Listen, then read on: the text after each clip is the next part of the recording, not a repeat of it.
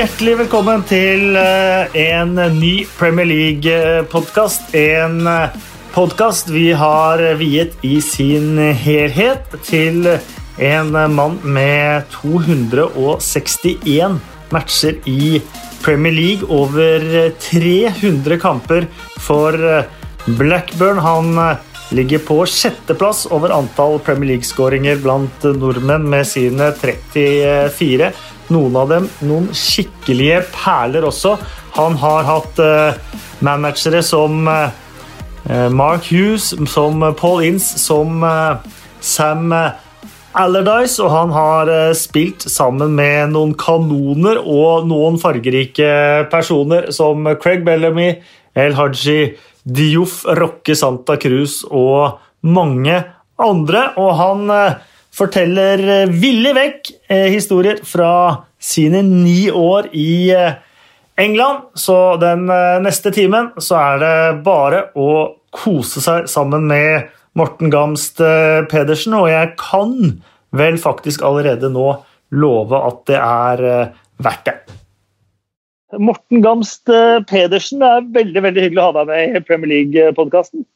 Takk for det. takk for Det Det er jo morsomt å ha litt å gjøre nå i disse tider. ja, Det er kjedelig nå? Ja, det kunne vært uh, litt morsommere, men uh, man må jo bare ta uh, si, og opprettholde reglene og, og, gjøre de tingene. Men heldigvis får man jo trent fotball og ende opp en plass det er mye friluft og sånn, så man får i hvert fall lufta seg litt. Ja, det er mye friluft. Jeg har faktisk bodd et år i Alta. For meg så blir det for mye friluft, egentlig. ja, nei, det spørs hvordan man ser det. så eh, Det blir litt pendling mellom Tromsø og Alta. så akkurat nå er jeg faktisk i Alta. Ja. Eh, hyggelig med nye lagkompiser og ny klubb og nytt sted, selv om du kanskje ikke har fått sett dem så mye som du skulle ønske?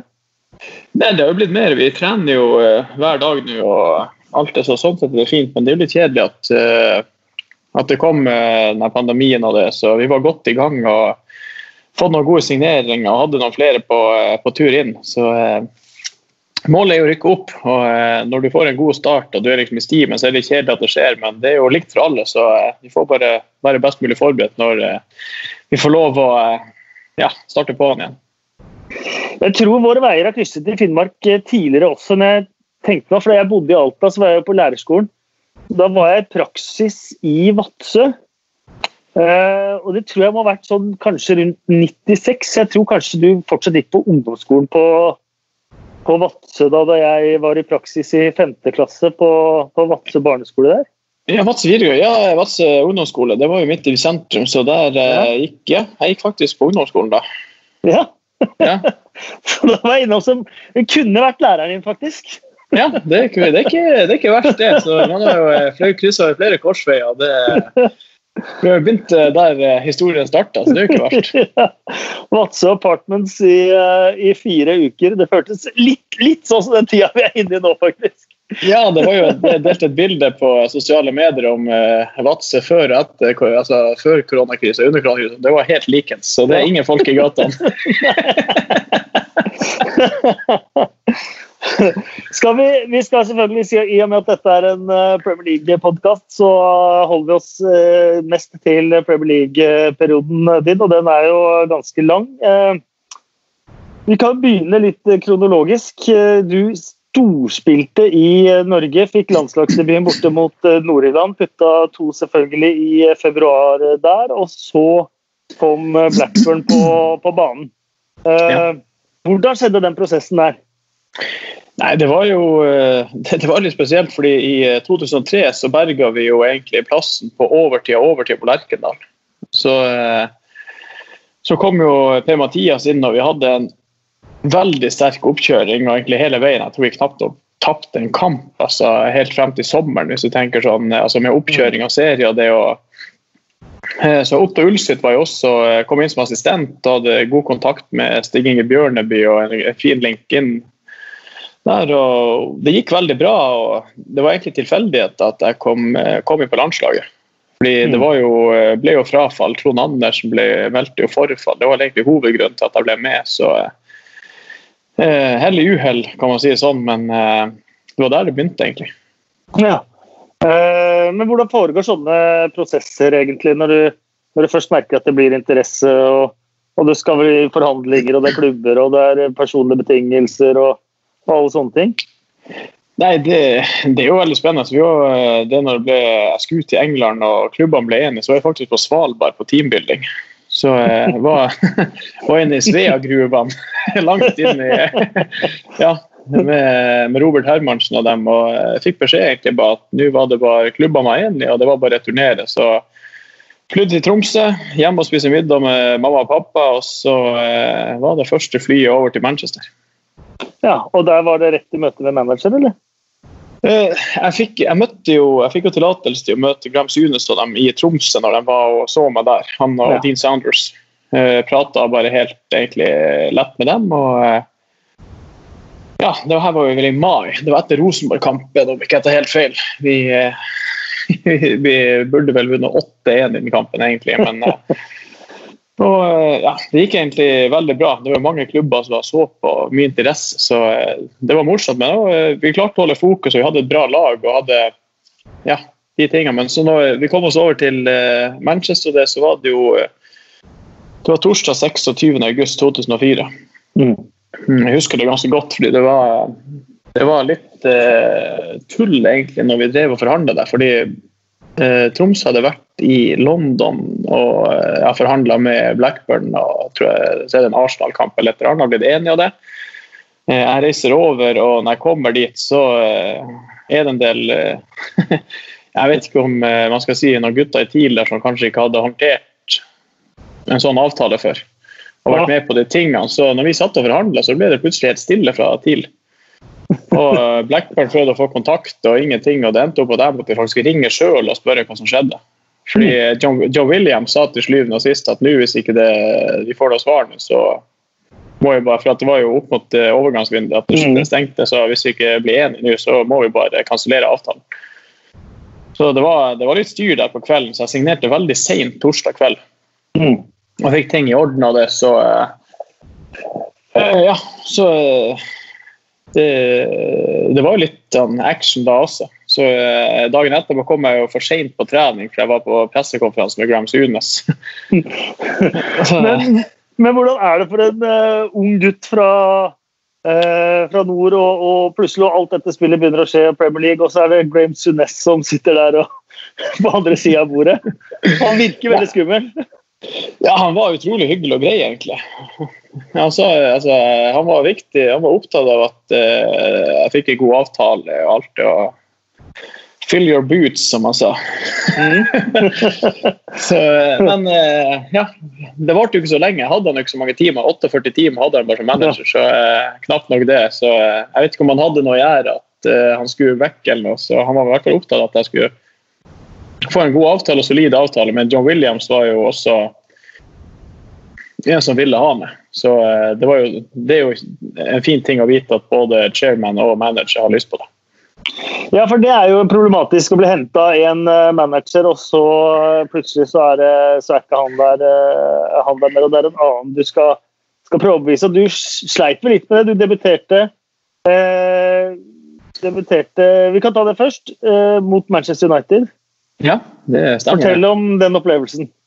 Nei, det var jo egentlig helt hinsides. Det, altså, du kommer på trening på fredagen, og du kan jo altså, jeg, fikk, jeg tok med meg altså, et sånn uh, spilleprogram fra jeg var signert kontrakten for jeg skulle lære meg, prøve å lære meg navnene på spillere. Noen kunne det jo, men altså, det, er jo, det er så mye som skjer at det, det, koker jo litt, og du er litt nervøs, og du skal bare prøve å være deg sjøl. Så det var jo spesiell oppbygging til den kampen, fordi jeg, jeg er signert, og det å ja. Du skal liksom eh, ja, Du vet jo ikke egentlig hva som skjer. Kanskje er du med i troppen, kanskje ikke. Men han bare heiv meg rett inn i startoppstillinga. Eh, du kommer på trening, og liksom, du har Barry Fergus som er kaptein, og du har masse store spillere som er der, og tatt alle dødballer. Men på fredag på dødballtreninga så blir bare alle satt til side, og du skal slå absolutt alle dødballer. det er liksom det førsteinntrykket du, første du gir til gruppa. Du kommer der som en eh, ja, liten kar fra Finnmark og bare skyver alt til side og skal ta dødball, og så kommer kampdagen, og så ja, du står ved siden av uh, verdensstjerner som du egentlig bare har drømt om å stå ved siden av og sett på TV. og Det gjorde du bare for to dager siden.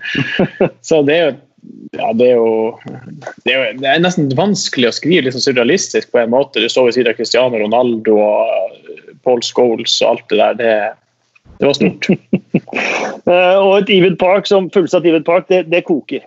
Ja, det var bra trøkk. og det er uh, jeg fikk jo til med målgivende på innkast. Det er jo liksom artig. for at uh, det var ingen, ingen, på Manchester som visste at jeg kasta lange innkast. Det tror jeg de ikke hadde sjekka. fordi de pusha opp der, og Paul Dicko sto helt alene og bare kasta rett igjennom. og vendte vekk og skårte. Så det, det var en kjempeopplevelse. Det ble jo 1-1, men jeg kunne faktisk ha avgjort helt på slutten. Jeg fikk jo en gigakjanse.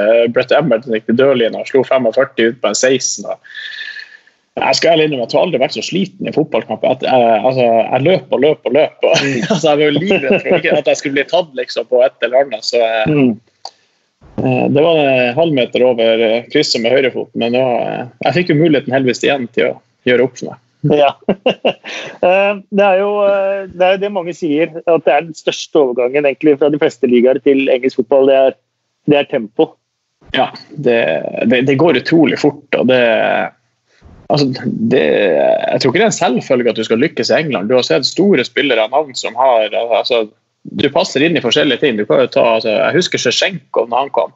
Mm. Som jeg så kanskje som en av verdens beste spisser. Mm. Altså, fantastisk. Og han sleit som bare juling. Det var Kessmann som også for til Chelsea. Altså, det, mm. De bøtta inn mål i hver sine liga. Det var sånn her, du gleder deg til å se det, og så kommer de, og så ja, De passer rett og slett ikke inn.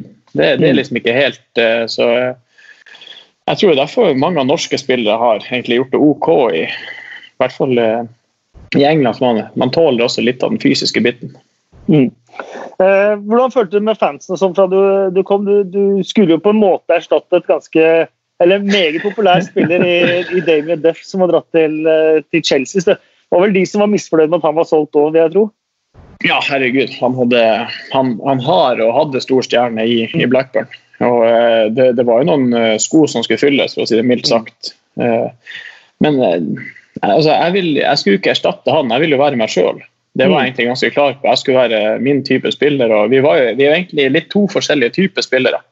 Mm. Selv, selv, om vi har noen likhetstrekk, så Jeg prøvde egentlig bare å fokusere på det jeg skulle gjøre, og spille på mine styrker. Det, og, og dyrke de tingene. Så jeg fikk jo en fin start sånn sett med at man fikk vært involvert fra første stund og, og få en målgivende og sånn, men så kom det jo noen, eh, noen tyngre måneder etter det her også, etter tre kamper.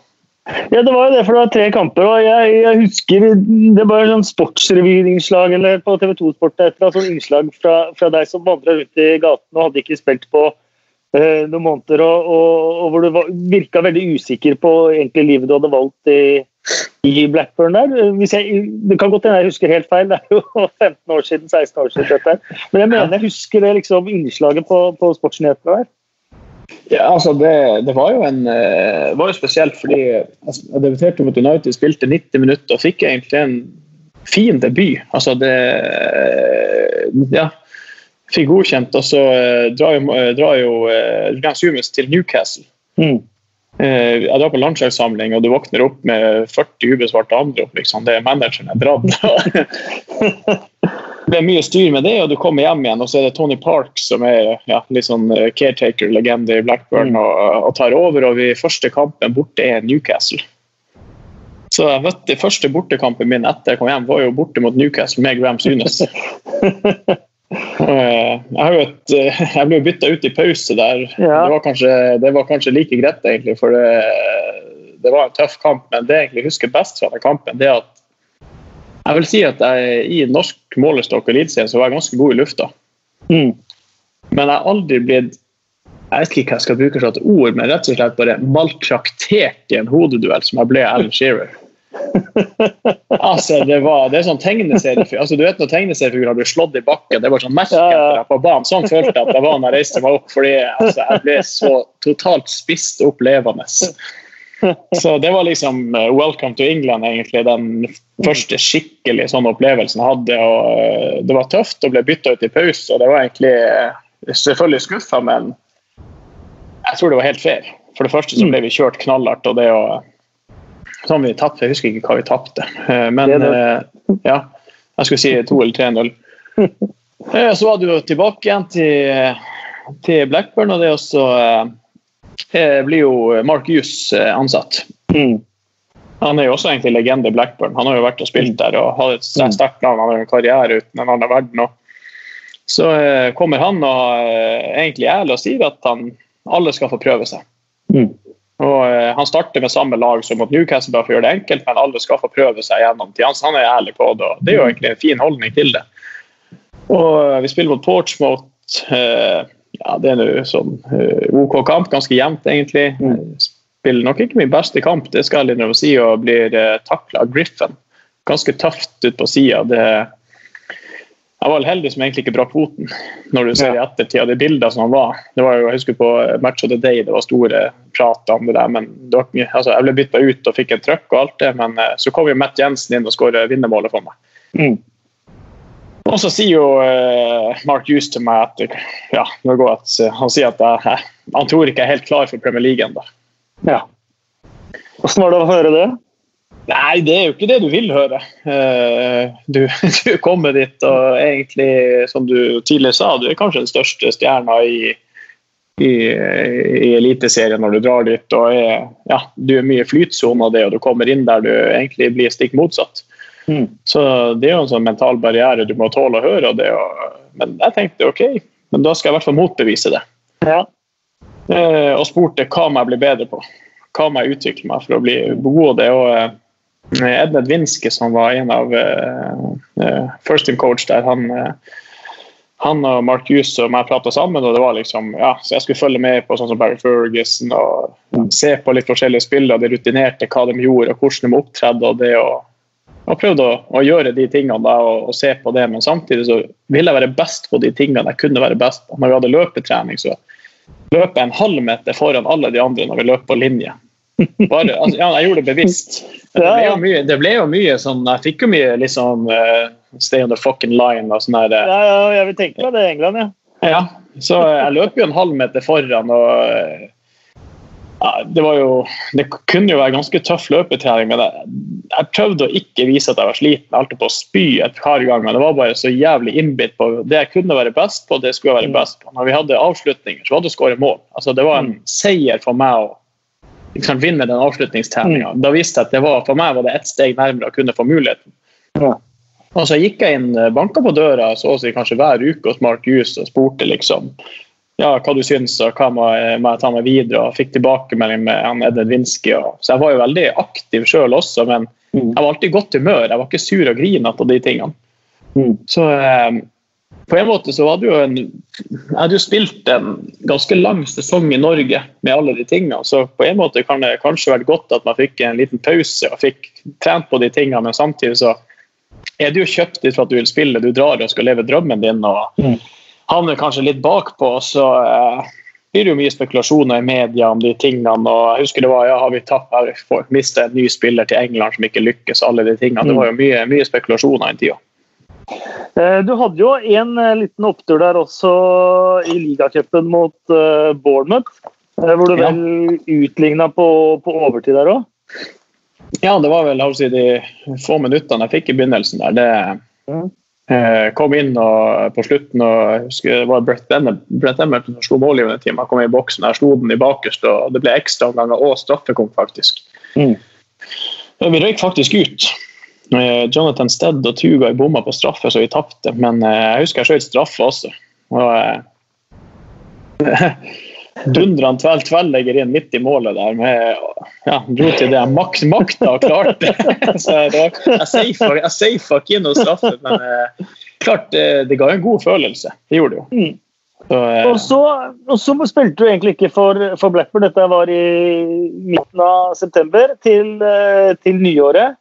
Eh, Og da hadde du, vil jeg tro, da, at du kjente presset på deg. Borte mot Cardiff i FA-cupen var første gang du fikk sjansen igjen etter den Bournemouth-kampen. Og så var det eh, borte mot Portsmouth, og så var det eh, omkamper igjen mot, eh, mot eh, Cardiff. Og Eh, Hvis man skal snakke om å gripe en mulighet med begge hender, så var vel det nesten definisjonen av det, var det det?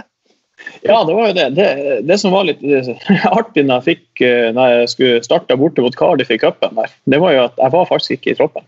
Jeg, var, jeg skulle ikke spille. Men Brett Emmerton igjen, han ble faktisk syk når vi skulle kjøre til stadion. Ny målgivende pasning. Ja. ja. Så jeg ble bare kalt frem i bussen og sa at jeg skal starte. Mm. Men samtidig så hadde jeg forberedt meg at jeg ville få sjansen en gang. Det gikk bedre på trening, og jeg fikk jo positiv tilbakemelding på at ting fungerte. og, det, og Jeg visste at jeg fikk mulighet, men Så jeg var jævlig forberedt på å få den.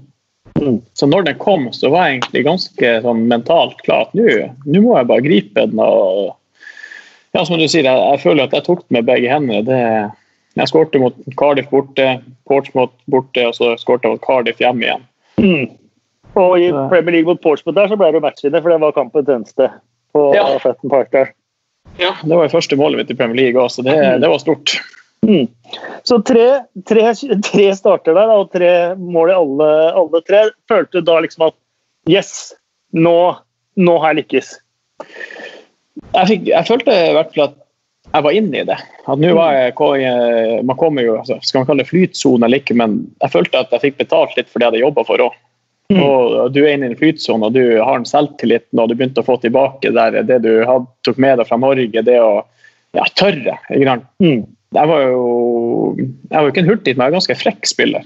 Mm. Spiller kanskje på litt små marginer og, og, risiko og de tingene. og Da torde man å gjøre litt mer av de tingene igjen. og mm. bare altså, Bygge mer og mer på de, de, styrkene du har og det du kan gjøre. så mm. Jeg husker jeg skåret mot eh, Christian Palace og mot Southampton. og jeg husker Lundekvam sendte jo melding til meg takka for at vi hadde slått Christian Palace. da jeg hadde skåret mot dem. Og ja, det var, det var gode tider. jeg ser du skåra ditt neste også mot Norwich. Det trenger vi ikke prate så mye, mye om, egentlig. Ja, det er Robert Green og Eh, sånn, apropos frekk spiller, så bare kom jeg på en ting. Jeg jobba jo som fotograf uh, før. Eh, sportsfotograf, så jeg har jo tatt en del eh, bilder av deg, spesielt når du spilte landskamp. Men det er artig alltid å ha linse inn mot feltet på, på corneret. Når du ikke, ikke tok de, mm. så hadde du en helt egen en hvor du, som jeg så, hvor du satte på en måte helknottene dine gjerne på tærne til, til keepere. Og hvis, og hvis, det var noen som reagerte på det, så sto du egentlig bare og lente deg lente deg på knærne. Ja. Er det et triks du kjenner igjen? Ja, det kjenner jeg igjen.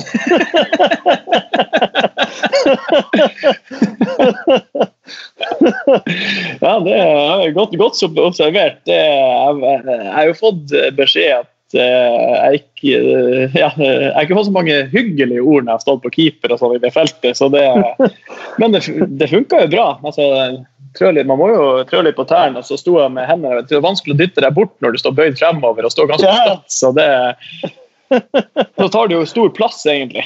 Mm. Og du ser uskyldig ut samtidig. Ja. Så, eh, ja, altså, jeg fikk jo aldri noe gule kort eller tilsnakk. Det var alltid keeperen som fikk det. så... Deilig kinderegg. Eh, du var innom eh, Mark Hughes. Mitt inntrykk er at du og Mark Hughes hadde et ekstremt godt forhold. Ja, det, det, har du helt rett i, og det har vi dag i dag òg, egentlig. Så eh, mm. eh, Ja, det Altså, det, det, var jo noen som sa at, meg liksom, nå, at han var faren min på en måte til tider. Så, men vi, det var veldig mye tillit i det, og jeg tror eh, grunnen til at han, vi fikk et godt forhold, det var for at eh, han visste hva han fikk. Han visste Jeg var ikke noe underslunter, jeg var ærlig, jeg var tids... Altså, jeg gjorde jobben hele veien, og det var ikke noe jeg lurte på, så spurte jeg om det, og hvis det hadde noe ja, både positivt og negativt. Og han visste at han fikk en respons hvis han sa noe til meg. Var han misfornøyd med noe ting ikke fungerte, så visste han at jeg ville jobbe på det og gjøre det, gjøre det ordentlig. Så, eh, men eh, vi, vi, fikk et veldig altså Egentlig med, med hele staffet der. Jeg fikk et veldig, veldig bra connection med dem. Og, det, og det er jo et vennskap man har beholdt videre også. Mm. Eh, hva var det egentlig som gjorde han til en så god manager i, i dine øyne? Eh, han var jo eh, han var, altså, På en måte var han litt ung og fremadstormende. Han var jo, gikk ganske fort etter spillekarriere inn og, og kom som trener. og uh, torde jo kanskje også være litt nytenkende innenfor uh, i England. Han kvitta seg jo med ikke noe mot, men altså litt den gamle garde vi hadde, vi hadde i Blackburn. Vi hadde noen litt eldre folk som var med der, som hadde litt av den gamle engelske stilen som han ikke var så for. Mm. Og, og dyrka på litt mer eh, moderne, skal man si, litt nyere ting. Og derfor, vi var jo et lag som var ekstremt godt trent. Mm det, altså det var jo sjelden at altså Vi tok jo ofte over på slutten av kampene. Det er jo det som var styrken vår. at vi var mm. det laget som holdt hele veien. Men så var vi også et lag som Han hadde ikke aksept på at vi skulle ha Vi, vi spilte med et aksept for Jeg husker Fysioen sa at uh, det å ha litt flere, altså mer prosent skademessig, at vi hadde litt høyere terskel, på en måte, du skjønner. Mm. At vi tålt, skulle tåle noen flere skader, men at vi trente knallhardt. fordi I lengden så ville vi vinne på det, og det, det gjorde vi jo. Vi, han, jo, han, har jo et ganske solid navn og, og karriere, så vi fikk jo henta inn en del spillere også som mm. kanskje ikke alle andre hadde klart å få eh, henta til klubben. Eh, Mark Bowen uh, han var ikke så fornøyd da du skåra mot Norwich, eller eh, har, har, han lagt det forholdet bak seg? Nei, han jubla noe greit etter det. husker han det. du vet jo han ble toppskårer for Norwich som venstreback uten å ta straffer en sesong? Ja, jeg har hørt rykter om det der. Det vel, han, har fortalt det, skal jeg ærlig innrømme å si. Så eh, du vet jo hvordan eh, engelskmenn er. Men man er vel litt påvirka av det. Så eh, man er flink til å si hva man er god til. Hvordan var han egentlig? Nå er han jo manager i Reading. Han var vel egentlig sportsdirektør og ansatte seg, seg selv som, eh, som, manager nå. Har gjort det egentlig, egentlig, ganske bra i hans første Det er første gang han har hovedansvaret selv. Ja, han har jo vært mye assistent av det. Og, mm. Han var jo det var litt artig. Den var jo, eh, den var jo veldig fin venner. Altså, det var jo en kompisgjeng som holdt på. Med. Han var jo litt hardere og litt mer direkte i stilen enn for Edvin Winske. Han var mer mm. litt nære som tok rundt deg, holdt og alt. Ja. De har en good cop, bad cop, men jeg har et veldig godt forhold til Mark Bowen også. Mm. Han kan jeg sende melding til en dag i dag og få svar. Mm. Så ja, det men det var, Markus var litt sånn som ikke var så mye involvert på treningsfeltet, mens det var liksom teamet hans som gjorde det meste på treningsfeltet? var det det? Ja, han jo, han hadde alltid shorts på seg, så å si. Altså, mm. han, sto, han har jo noen tømmerstokker har bein. så de, altså, han sto jo der i positur med hendene på ryggen og fulgte med. og Sleim var bra, så brøt han ikke inn. Det var jo noen mm. selvfølgelig sekvenser han gikk inn og var og alt, men når det var dårlig, så var han nådeløs når han gikk inn og satte inn støtet. Så og jeg tror faktisk Jeg vet ikke, altså med alle årene så tror jeg kanskje han mista to treninger. Mm. Altså Han var på alt av treninger. Så, så var det ikke en UF å hive seg med på en liten avslutningsdel også der, bare for å ja, for gamle kunster. få bedre avsluttere enn eh, han, spesielt både i vendinga og på volleyen der. Ja, han var god på volley, så det, når vi hadde innlegg og avslutninger, så eh, da var han fort med. Jeg husker bare slå tunnel på han med firkant i gang. Da fikk jeg bare beskjed en gang til, så jeg snap your legs. Så det... og, det, og det var ikke sagt det med en vennskapelig tone. nei, nei, nei. Eh, det må ha vært en herlig klubb å være i på den tida der. En klubb i, i medgang med entusiasme, eh, med fulle tribuner. Eh, med mange kule spillere innom. Ja, det var utrolig morsomt. Jeg var jo med på en opptur, egentlig, for å si det sånn. og mhm. Kom i Europa igjen og sånn si, mye bra spillere som kom inn. og vi ja, sånn Vi kunne ikke kjøpe så mye spillere, men vi kunne gi en bra lønn. Så mm. Vi fikk jo henta veldig mye eh, spennende spillere. Rocke Santa Cruz. altså Det er jo eh, sånne ting. Benny McCarty under Champions League. Craig Bellamy. altså du du har noen ganske store navn som har vært innom mm. der. Som er kommet, og alle leverte jo til de grader også. Så eh, eh, det var morsomt. Og så var han flink, sånn som David Bentley, som var i Tottenham og sleit skikkelig. Eller nei, Arsenal, mm. mener jeg, og sleit skikkelig, og kom dit opp og fikk ja, en skikkelig arm under skuldra. det var litt sånn som, altså Helt på to forskjellige måter, men det var litt sånn som med meg også. De tok vare mm. på det. Og mm. eh, vi, var et, vi var et bra lag. Det er jo det vi var. Altså, vi hadde en del gode spillere, ja, men vi var sinnssykt sterke som lag. Det var jo det vi ofte vant på. Mm. Eh, Craig Bellamy, hvordan var han? Nei, Det er jo på godt og vondt. Vi var jo som eh, katt og mus, egentlig. Eh, vi, har, ja, vi har vel eh, bedt hverandre reise til helvete, for det er mildt sagt, eh, flere ganger. Vi har ønska hverandre lykke til. så altså, som fotballspiller alt fantastisk. Altså Mm. Tempo og teknikk og veldig seriøs i arbeid, arbeid alt det. Som person var han egentlig ufyselig til tider. Mm. Altså på mange måter. Men samtidig så var han egentlig helt Når han hadde sønnen med seg, altså, så var han en helt annen person. Det var verdens hyggeligste og fineste kar. og de tingene med Han switcha veldig mellom de personlighetene. Som fotballspiller en av de bedre jeg har spilt med, uten tvil. Men eh, som person så var ikke det han jeg klikka best med.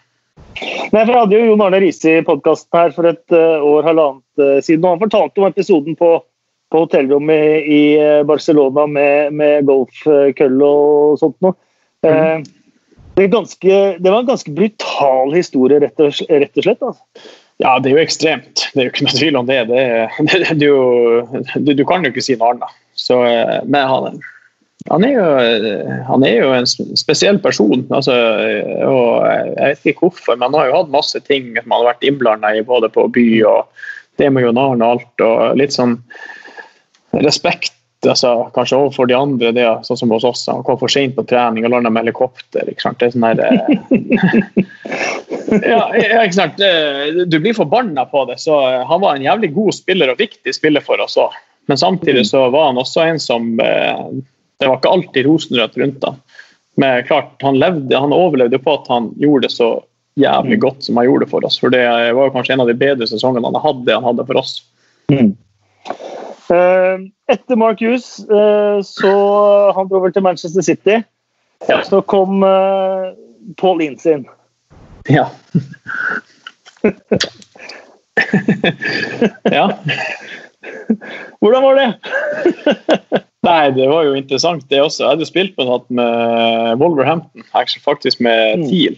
Uh, før jeg dro, rett før jeg dro til Blackburn, så han, han husker meg jo igjen. Og ja, Det var egentlig en kjempefin start jeg hadde med han. og Alle de tingene. og han kunne jo plutselig hive seg med på trening, og han ble jo veldig overivrig og ja, passe gal. Han planta jo, han sparka ned folk. Han planta albuen midt i trynet på meg når jeg spilte der.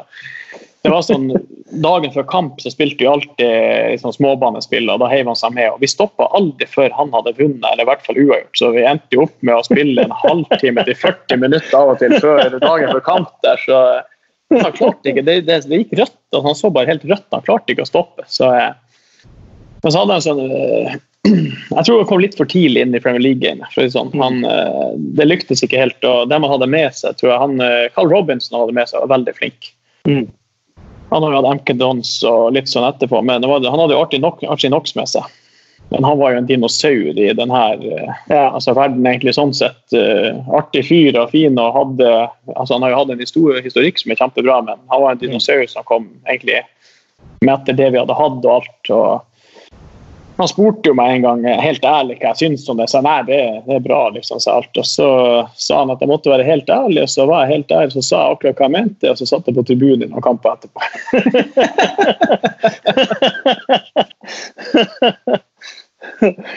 Paul Ince han var jo sånn som, som spiller òg, men jeg tenker i en, i en spillergruppe Det er jo litt som i et eh, klasserom eh, også når, når det er sånn da med Paul Ince at Bålaten setter albuer, går inn i taklinger sånn, man må spille til han vinner og sånt noe.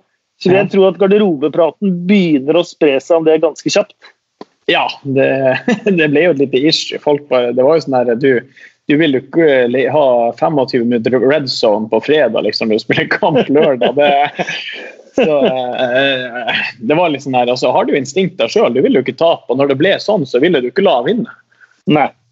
Ja, så Du gjorde det du kunne for å la han tape, så, eh, men til slutt så måtte du jo bare stoppe. og Det ble jo mye snikksnakk og frem og tilbake. og Egentlig en kjempe altså, Både han og familien da, sånn her, eh, altså, utrolig hyggelig og grei. Altså, Mm. Men fotballmessig så Som fotballspiller var han jo enorm. Altså, Mm. Jeg synes jo han var en fantastisk spiller når han spilte, det, men som manager så jeg tror ikke det passa helt for han.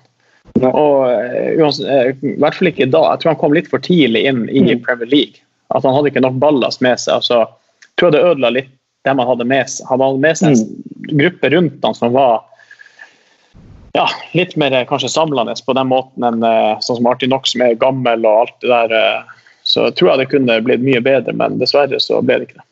Nei. Og da var det jo straks over til eh, Sam Allardyce. Og med, med Sam Allardyce så får du i hvert fall ofte resultater, da.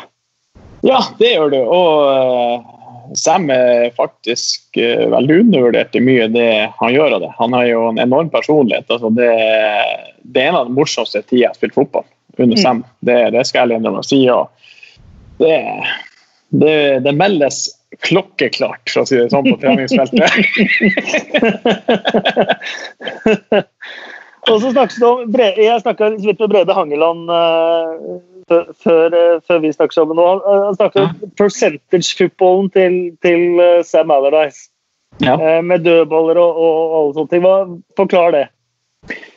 Nei, det er jo Altså Sånn som Every set piece is a free opportunity to score a goal. Mm. Altså, du, du, får faktisk legge ballen akkurat der du vil innenfor et område. Du kan faktisk stille folkene akkurat hvor du vil og komme deg så nært målet som overhodet mulig uten at noen kan stoppe deg. Det er jo faktisk mm. det du har. Du har en mm. gratis mulighet til å komme deg utrolig nært målet til å skåre. Mm. Og det utnytta vi, og vi hadde jo et relativt bra dødballag.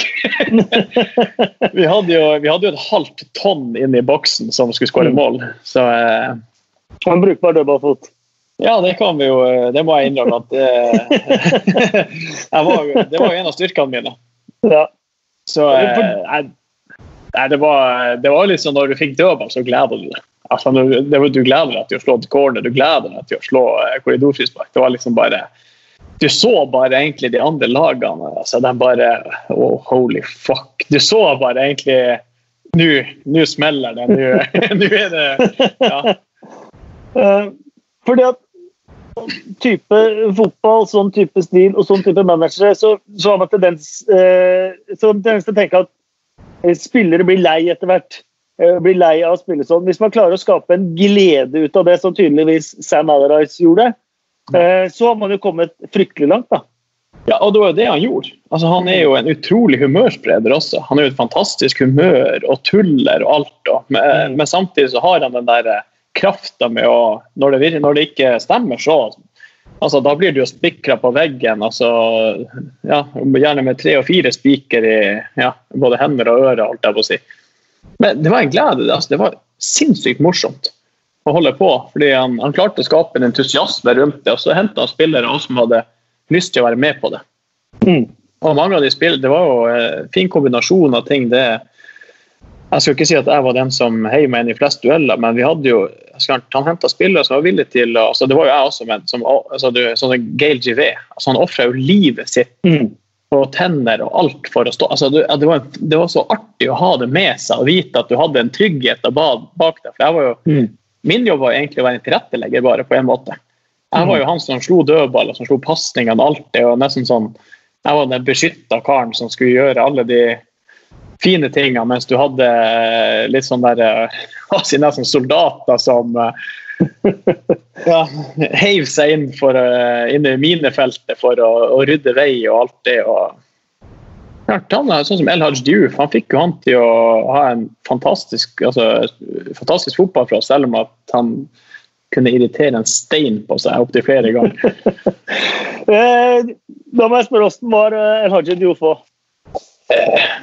Egentlig Når du var alene, var han fantastisk fyr. Altså Hyggelig og grei og, og familie og alt, men han hadde jo et uh, litt sånn uh, det var viktig for han å være i fokus. altså attention, mm. altså når det, Med en gang det kom flere, så var det jo alltid sant, attention, attention, attention. og det å ja, Klarte kanskje ikke å kontrollere alt sammen like godt, men når du var på en, enmannshåndballen, så var han en kjempefin kar. Men mm. Litt sånn lunatic kan man jo si også. Så eh, Det er jo en, en du heller, helst vil ha på laget, det er ikke imot deg, for han kan jo irritere gråstein på seg. Men klart, han ble sparka ned og sparka ned, og vi fikk jo sikkert 50 frispark i året bare på at han var den han var, bare pga. navnet. Mm. Du nevnte Gail Givet òg. Eh, han ja. ser jeg ofte blir sånn eh, dratt fram eh, av gamle spillere og sånt, når du spør sånn galeste lagkompis og, og sånn. var han sånn? Ja, var, altså, jeg hadde jo kjempeforhold med Gail. Og, altså, han sa ikke så mye. Var, yeah, yeah, yeah, altså, han, han, sa ikke så mye, men han, han, sprang jo gjennom en vegg. og Han dreit jo på om det var Cristiano Ronaldo eller om det var helt uh, Ola Nordmann. Altså, han takla deg like steinhardt hver gang. Og altså, ja, Hedda og ja. Han, han var bare altså Han er virkelig en du vil ha på laget ditt. Mm. Og han, han var en god fotballspiller og klagde aldri, egentlig. og altså Snakke om å spille med hjertet på utsida av drakta, det, det var en drøm å ha på laget. og eh, Han var sinnssyk! Men i disse periodene her, da, så eh, du, må du må jo fortelle om, eh, fortelle om eh, den skåringen din eh, og også, du vet, og hvilken jeg, jeg mener. Eh, den kommer langt også i vår kåring av tidenes norske mål i, i, eh, i Premier League. Fullhjemskåringa. Nei. Nei, det. Det var fin, det nå. ja. Nei, det er, jo, det er jo mange forskjellige. Jeg har jo den der med med stokken av det. Det har jo vært mye Ja, prat. det kommer vi til, men jeg tenkte Ja. på Old Trafford, da. Ja, det var det. Jeg skjønte det, egentlig det. Men eh, nei, det, det var jo veldig spesielt, egentlig. Eh, vi var jo sykt gode. Jeg husker altså, Den kampen så gikk vi faktisk for å vinne. Det var altså brist eller bære. Det, Mark Hughes var knalla. Vi var i en god, god periode. Og vi spilte jo en veldig god kamp. Vi kunne jo skåret tidligere i kampen og tatt ledelsen. og Det, og det var jo sjanser begge veier. Jeg husker Van Nistelrooy skjøt jo over også fra ganske Mm. kort hold. Men eh, det som skjer, egentlig, det er jo at eh, vi har jo en kontring, og Craig Bellamy går ned på sida og slår inn. og Ballen blir klarert. og Det er jo Paul Scholes som slår feilpasninga. Jeg og Michael Grace med press, og han vinner ballen og slår den ut til meg. og ja, Med selvtillit og alt det du har, så er det jo selvfølgelig ingenting annet å gjøre enn å bare dundre den opp i nærmeste nettak. si. Så eh, det er jo, den følelsen der og da er, er jo enorm. Mm. Og eh, Du har den første seieren der på 56 år. og altså det var, Du spiller liksom mot det laget du har fulgt mest med, og alle de tingene. Så det var en, eh, det var en eh, stor opplevelse. Så eh, Ja, så skal vi ikke glemme at det er, det er jo et tilnærma lokalderby. ja, det er jo det. Og eh, det har jo alltid vært ganske tette kamper mellom oss og United. I hvert fall når jeg spilte. og eh, klart Det, det er stinn brakke fra selvfølgelig Old Trafford og stinn brakke for Blackburn-fansen. og det, så Mm. det, det var jævlig morsomt. Uh, har jo, han, eh, jeg spilte jo ofte ganske på San Carlo, som det sikkert eh, de fleste har fått med seg. og Han som er hovedkokk der, han er sånn han prater om United, så får han gåsehud av det. og jeg husker han sa Vi satt der og prata, så sa han bare Fy faen, altså, tenk å bare få kjent på den følelsen å score fra Stratford, den, bare det trøkket. Så sa jeg bare jeg syns du var ganske stille egentlig når jeg gjorde det. Så, jeg, så da, ikke, da gikk han. Så, Men du bodde i Manchester òg, sant? Jeg bodde midt i sentrum, faktisk. Så eh, ja. For Blackburn er ikke, det er ikke verdens navle som by. Nei, det er litt sånn Vadsø. Det er litt sånn litt grått, og det skjer ikke så altfor mye der. Ja, og du var jo da eh, i den perioden også linka til Manchester United. Hvor, hvor konkret var det egentlig? Ja, det, jeg vet jo at det var interesse. Det skal jo ikke legge under en stol, så kan du jo heller jeg vet ikke, spørre andre hvor nært det var. Jeg vet jo at det var prat og alltid, så eh, Mm. det- Jeg vet faktisk ingen andre jeg kan prate om uh, Nei. hvor nært det var. Altså. så, eh, Sir, nei, Sir Alex er ikke booka ennå. Nei, dessverre. Så, nei, men altså, Blackburn var jo veldig kjapp med å tilby meg en ny kontrakt når det begynte Ja. å komme de, de forhandlingene og alt. Og de skjønte vel at det kunne, kunne skjedd noe, men uh, eh, vi var jo også i en periode der det var sinnssykt morsomt i Blackburn. og altså Om jeg hadde skrevet ny kontrakt eller hva det var, altså, det gjorde jeg, så tror jeg om det hadde skjedd noe, så hadde det ikke vært så altså Prisen det skulle stått på, tror jeg, til syvende og sist. Nei. Men du var skikkelig hot property på den, uh, på den tida. Det var, jo, det var jo ikke bare Manchester United, det var jo Tottenham og det var andre storklubber. Er det vanskelig å konsentrere seg om å spille når man, når man liksom vet alt dette her, eller gikk det greit? Nei, altså, det gikk jo greit i tide, men klart du blir jo, det er jo ting som forstyrrer litt i hverdagen. Det er ikke noe tvil om det. Altså, Arsenal var interessant, og vi Mhm. møtte dem i, møtte dem i semifinalen på Millennium Stadium. Og jeg visste jo at Arsenal var interessert, og Arsenal Wenger det er liksom en tosiders uh, i avisa. Liksom. Ja, det var én ting han frykta, det var meg. Liksom. Der, det er jo som, en, det er jo som mentalt spill, og det var liksom på hver dag hele uka på pressekonferansen. at det, sånne ting, Så det tar jo litt fokus vekk fra de tingene du har lyst til å ha fokus på. Mm. Det, det skal ikke jeg nekte på. Så uh, du må bare prøve å stenge egentlig alt ute. Men du blir jo, altså, uansett hvor det er, hva du spiste, hva du på trening, hva du skal som er på hele tida Du skjønner, det er alltid et spørsmål. så eh, det er jo ikke bare sånn at du knipser med fingrene, så stenger du det ute. Det, det er jo et moment, et eh, moment, som er der som du må bare håndtere. Men får du, Er det sånn at eh, det spøkes med garderoben og sånt også, og du får litt pepper fra de andre gutta sånn også når, når sånne ting står på? Ja, ja, selvfølgelig er det. Det er, jo, eh, det er jo der det prates mest, nesten. Så, altså, det er jo der du får vite det først òg. Si. Det, er jo, det er ofte i garderoben det kommer ut. så Det er jo en agent som kanskje er agent for flere spillere, eller ting og tang, og så er det kompis. Så det er nesten i garderoben ting kommer først. Mm. Eh, dere gjorde det bra under, eh, under Sam eh, Allardyce. Så starta sesongen eh, bra der også, den siste sesongen hans. Og så kom jo det som på mange måter det, det, det, det, var det fotballverden var opptatt av en, en, periode. Og så var det jo starten på nedturen til Blackburn egentlig med de nye indiske eierne. Og Først var jo Diogo Maradona linka som ny, ny, manager inn. Det var det første de sa vel, at de skulle ansette Diego Maradona. Åssen ja. eh, var den perioden der?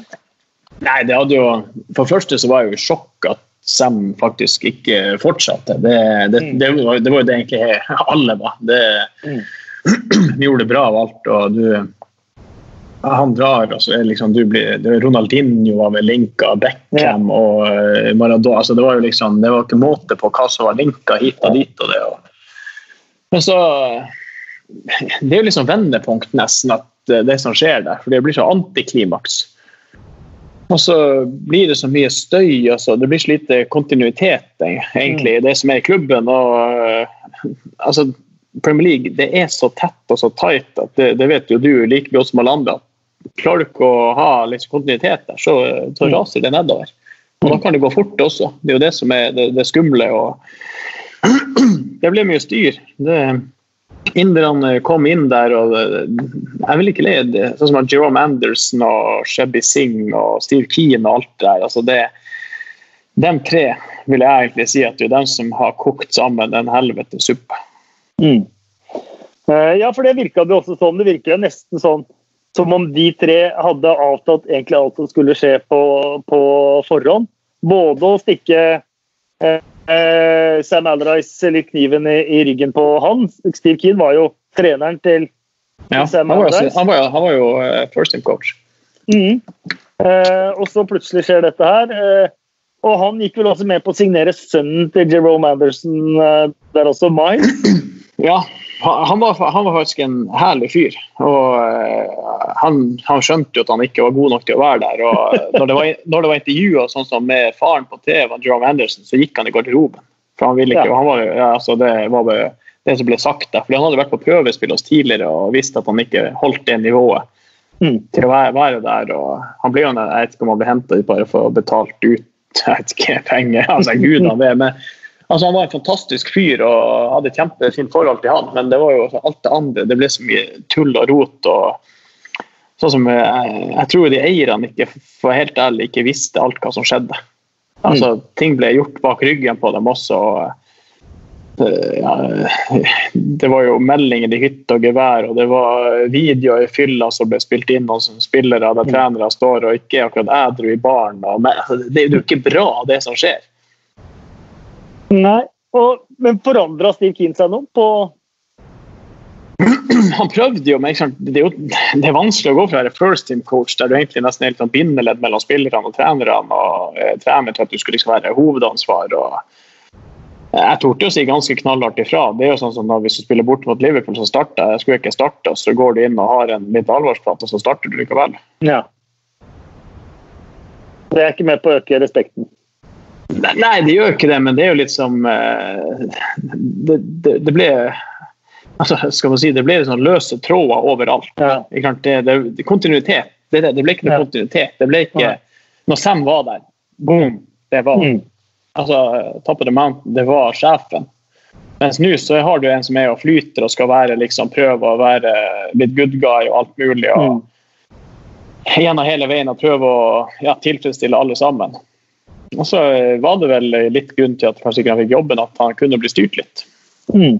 Jerome, ikke sant? De hadde jo business sammen på utsida, gudene vet. så det er jo bare en trist historie, egentlig, alt sånn som det ble. Og, altså, det, det er jo dumt, Man syns litt synd på eierne som bruker så mye penger, så havner du i en sånn ting. fordi alle de pengene som er blitt brukt, kunne jo brukt til å faktisk løfte laget heller. Mm. Og det er jo det er utrolig trist for, eh, med, med tanke på, på, Blackburn nå, da, som gikk fra å være et uh, mønsterbruk, et, uh, et, lag man regna med i hvert fall topp ti eh, hver sesong, Eh, henta fantastiske spillere og, og kontakten mellom fans og klubb og spillere og alt var ekstremt tett. da, eh, ja. Til å bli en klubb der hvor eh, ingen fans visste hva som skjedde i klubben. Eh, de som dreiv, de dreit i, i både lokalmiljø og i, i supportere og alt. og man ble litt sånn, litt sånn laughingstock, da. Med mm. kylling inn på, på banen og, og, alt det som skjedde i løpet av den sesongen der. Ja, det er jo kanskje fra å gå fra altså, Jeg vil jo fortsatt si at altså, Men da fra å være den mest familiære klubben, så var jeg mm. altså, i, i de øverste, altså det profesjonelle og øverste nivåene med sånn si, nærheten med alt sammen og hvordan mm. man ble tatt vare på. det var Alle hadde et godt forhold til Blackburn. Mm. Ja, du var kanskje United-fan, Liverpool-fan, altså alt det med altså, du, Vi var respektert. Vi var et bra lag, liksom, og, og de tingene. Så kanskje kommer jo alt det her, og det det går nedover, du vet ikke hva som skjer. Det, liksom, det, det blir sånn Muppet-show. Det blir sånn her mm. opplegg. Og så er det jo uh, Går det utover kanskje folk det ikke skal gå utover? Mm. Det er det som er det, det er synd og alt. Så uh, Se hvor lang tid det har tatt å stabilisere. Jeg var jo i England nå i to uker i, tidligere og trente med dem. og Nå begynner du å se til, få tilbake den samme gode feelinga mm. igjen. Med den familiære og alt. og altså Eierne pumper jo inn 250 millioner hvert år mm. i klubben. For å, og du ser Den tar jo steg for steg nå nærmere, men det viser jo bare hvor fort det går ned, men hvor lang mm. tid det tar å bygge opp igjen. For det er så mm. mange klubber det er, som er om det beina. Det er ikke en selvfølge at du skal rykke opp selv om du bruker masse penger. Hvordan var det å være tilbake der uh, igjen? Det er jo, uh, jeg vil tro Etter en karriere så, tenker man mye på Eh, de valgene man kunne tatt, og alle de sliding doors-momentsene og sånt. Men det må jo være ganske fantastisk eh, å ha vært en one club man og vært legende et sted, et sted du kommer til å bli huska i lang, lang tid. Ja, det er jo sinnssykt morsomt. og sånn, Når man drar tilbake litt, så er det med glede. og Det er jo litt sånn overveldende. Man blir jo tatt imot som om man er altså, ja, altså Nesten som man er stjernespilleren allerede. og. Jeg var jo hadde en sånn eh, Q&A med, med, fansen av det nå når jeg var der nede. og Det, sånn, det, det blir utsolgt, og den kunne solgt altså, tre ganger så mange billetter. Du får stående applaus når du kommer ut på stadion og alle de tingene. Du blir jo rørt. altså Du har jo tårer i øyekroken. og du, Det som jeg sa når jeg dro, at hvis jeg kunne, og det mente jeg, hvis jeg kunne altså, tatt alle i hånda og gitt alle en klem som var på stadion, så ville jeg gjort det. Og, jo, altså, mm. det, det var sinnssykt tungt å, å forlate. Mm. Eh, men samtidig så gjør du deg kanskje helt sikker på at du gjorde det, de rette valgene da du hadde sjanse til å ta de valgene? Etterpåklokskapen er jo alltid det letteste å, å, ta sånn sett, men eh, både og. Man kunne jo kanskje prøvd noe nytt, ting, men jeg er sinnssykt glad for at jeg har vært i Blackburn hele veien. fordi det, er veldig få som gjør det, og, og viser den lojaliteten. og jeg føler at Blackburn fortjente den lojaliteten fra meg med det de gjorde. Jeg fikk alltid muligheten. Jeg fikk alltid spille. og Jeg fikk være med på noen vanvittige oppturer, og så fikk jeg også være dessverre med på en nedtur. Men det å få lov til å være med på den historien der, det tror jeg bare har gjort at jeg har egentlig lært enda mer som person også, ikke bare som fotballspiller. Men at du, du lærer mye også i, i det, det, personlige livet om hvordan man kan takle både medgang og motgang. Mm. Um, og da, da, jeg vil jo anta at du, du ble ikke mindre populær av, uh, blant fansen heller helt på slutten der. Da du, da du tok igjen eh, Det var vel en personlig, uh, personlig revansje også. Uh, da du hadde blitt kalt gammel der og, og feira med stokken. Ja, det, det, var jo, det var Singh igjen som var og, og selvfølgelig var stor i kjeften, som han var ofte mot andre. og Han hadde jo ingenting med eierne å gjøre. Han var jo egentlig bare en cowboy som var der. og ja, bare måten Michael Appleton husker når jeg var på treningsleken han fikk sparken. da vi, vi, var i gymmen, og så kom han Shabby Singh inn. og Så gikk han til sekretæren og bare ga et et brev som var til Michael Appleton. Og, uh, og så var vi i gymmen, så kom Michael Appleton, og da gikk Shabby Singh ut bak døra på treningsanlegget. Han torde ikke å, å, prate med ham. Og så, og så gikk rundt hele treningsanlegget, og så kjørte han av gårde. Og så kommer liksom sekretæren med brevet, liksom oppsigelsen inn på gymmen liksom, til, med tårene i øynene der. Så, liksom, sånn var det. Ja. Uh, er han den sterkeste manageren du noen gang har hatt for øvrig? Ja, han var, han var grusom i gymmen. Det, det skal du ha. Så, uh, men uh, tilbake til det med stokken. Det var, han kalte meg jo pensjonist og alt det der. Ja. Og, vi var spilte borte mot Cork, faktisk, en treningskamp når det skjedde. Og Da ble det jo altså, alvorsmøte med han og Jeg tror han Bradley Orr kunne ha kasta han gjennom veggen når han kom inn på hotellet, for å si det mildt sagt, og de andre som var der. Men eh, det var deilig å få den eh, Da sa jeg faktisk før kampen til han Kitman at du er bare med å skaffe en eh, stokk på benken, for jeg kommer til å skåre vinnerball i dag. Så, og det, det var jo artig at det skjedde, så feira med den, og så fikk jeg jo kasta han opp mot der han satt og sagt noen velvalgte ord. Så jeg, det, det, jeg, jeg, tror ikke jeg ble noe mindre populær av det. jeg gjorde nok ikke det. Det er noe med å, å, å, skrive seg inn i en, i en klubbhistorie, da, og det er jo blitt et ikonisk øyeblikk i, Blackburns historie i alle fall. Eh, helt kjapt også, Du hadde jo Henning Berg som, eh, som manager eh, der òg. Det har vært litt, litt spesielt, egentlig? Ja, det var jo det. Eh, han, jo, han, ble den best betalte manageren i, i, verden det året, hvis du tenker dager. Så eh, eh det, var, det, var, jo synd. Problemet det var at Henning er fantastisk. Altså, han har jo han har et vanvittig fotballhode, og alt det, men mm. problemet det var egentlig at han kom alene. Mm. Altså, sånn som han Eric Black og alle altså, Brunskill, de der som var rundt om her, altså, de, de vil jo ha jobben sjøl. Og du, kom, mm. altså, du blir jo kasta inn i et vepsebol uten like. Så eh, egentlig det som skjedde, det var jo at eh, hadde han kommet, hadde fått med, hadde han kommet med tre-fire stykker, at han hadde hele staffet sitt med seg, så tror jeg det hadde gått veldig bra. Men mm. eh, det tre stykker med knivene der som egentlig bare ville stikke deg i ryggen fra dag én. Mm. Så eh, Og så hadde Ja. Det, det, det, var synd. Fordi eh, Henning tror jeg kunne sånn som med å fått guida oss inn med litt forskjellige ting, men eh, det, det var ikke rette tida for han å komme. Det er synd. Jeg trodde det skulle snu litt på 4-1 borte mot Peterborough der og Jordan Rhodes hat trick, men det var vel den eneste seieren han, han fikk, eh, ja. tror jeg, i løpet av de få, få kampene han, han fikk der. Ja. Vi må ta noen spørsmål fra, fra Twitter også på, på slutten her, Morten. Ja. Eh, Kim Krekling Sandum eh, eh, spør om du ikke skal fortelle om den diven, som selvfølgelig ble også ganske kjent, men som vi gikk gjennom på vår sending. Ja. Der, der, ble du på mange måter frikjent.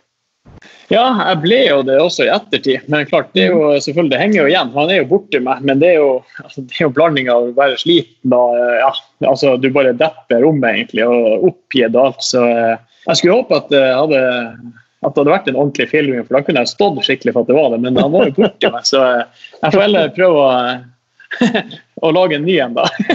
ja. Han spør om eh, du kan fortelle om det peneste målet du har skåret også.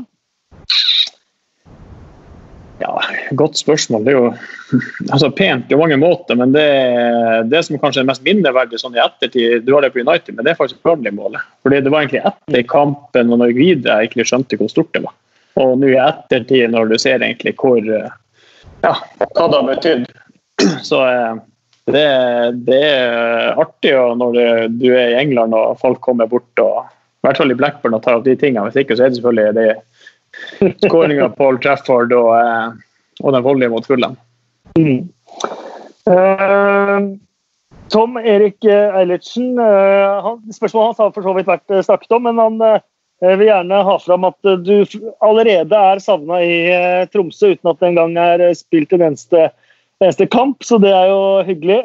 Ja. Kevin Madsen spør beste og verste Eller da verste og den enkleste bekken å møte av de du har møtt i, i Premier League? Hva var det han het? Jeg husker da, Han spilte jo, var brasilianer, han spilte på Chelsea. Uh, oh, Nå fikk jeg jernteppe. Vi spilte på Stamford Bridge. Han, uh, han var vel egentlig ving eller inderløper. Uh, liten, tett kar. Uh, ja. Jeg husker, at de som altså, hører på, husker navnet. Ja, jeg husker. Men, jeg, altså, Snakk om å bli stoppa. Altså, greit at han stoppa, men det var, altså, det var liksom da jeg skulle løpe Uansett, han var overalt. Altså, jeg følte bare at det var sånn her, Uansett hva jeg gjør i dag, så kommer jeg ikke forbi han. Det var en sånn dag. og det, er, det, det har jeg sagt fra men det er den tøffeste dagen jeg har hatt på jobb så, altså, som, som ving. Altså, folk til å bli kledd av. Altså, han, uansett hva jeg gjorde, det var liksom Han stoppa alle innleggene mine. Han bare, han bare totalt kledde av meg. Så, eh, men en jeg likte å spille godt, det var jo eh, Skal vi se, tror jeg du klarer å tippe. Han har spilt eh, spilte høyreback på Fullem. Uh, ja, uh, han litt uh, eldre. Han var vel innom Tottenham òg.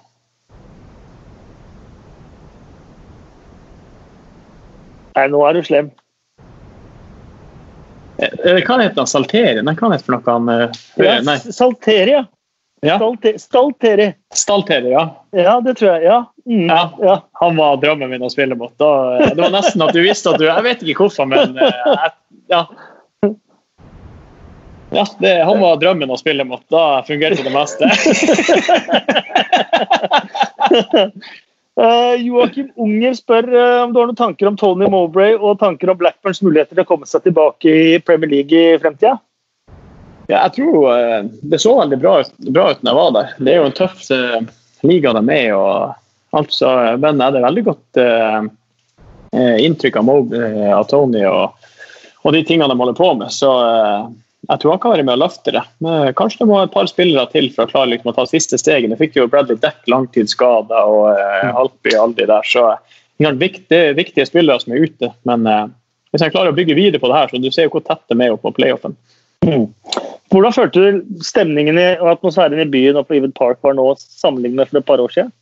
Ja, det var jo helt fantastisk. Nå var det jo lokalderby mot Preston, men det var, det var liksom den gode gamle trøkken litt tilbake. Mm. Så eh, det Pila peker i hvert fall fortsatt litt oppover. Det er jo det som er bra. Det går sakte, men mm. sikkert. Som man sier, det, når det går nedover, går det fort, men uh, du må være tålmodig og bygge stein for stein når du skal opp og, og bygge noe slagkraftig.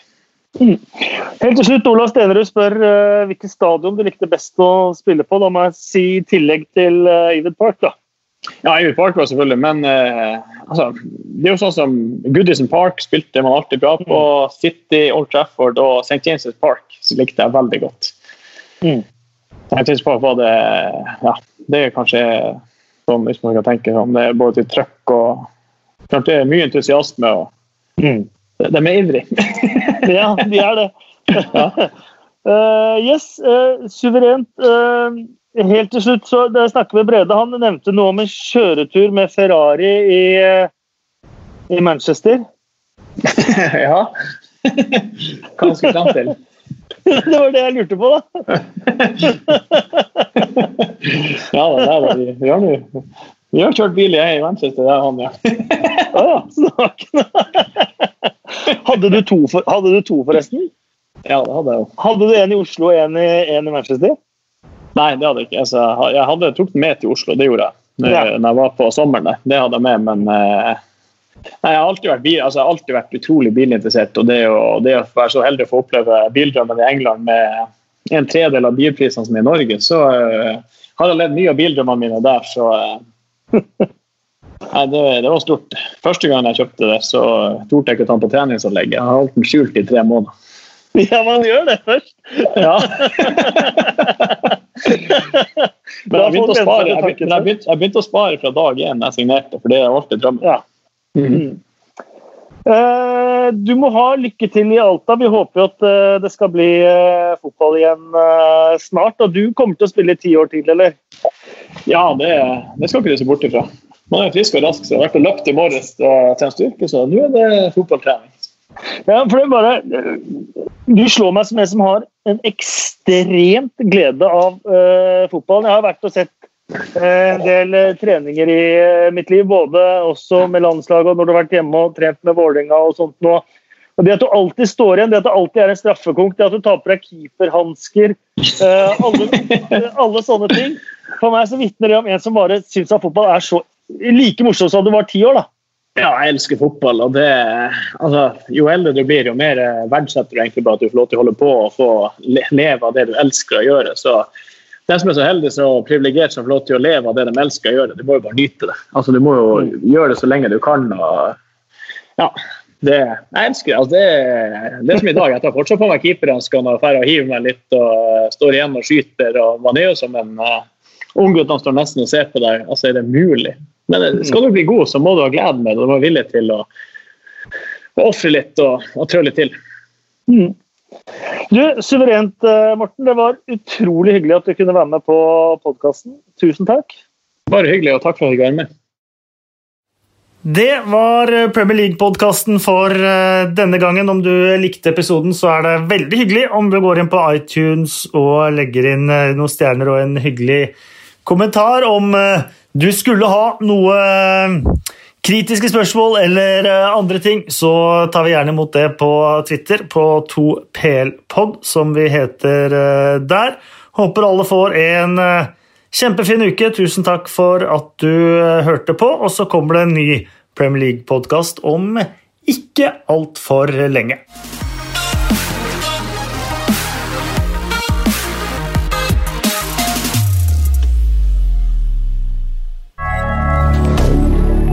moderne media.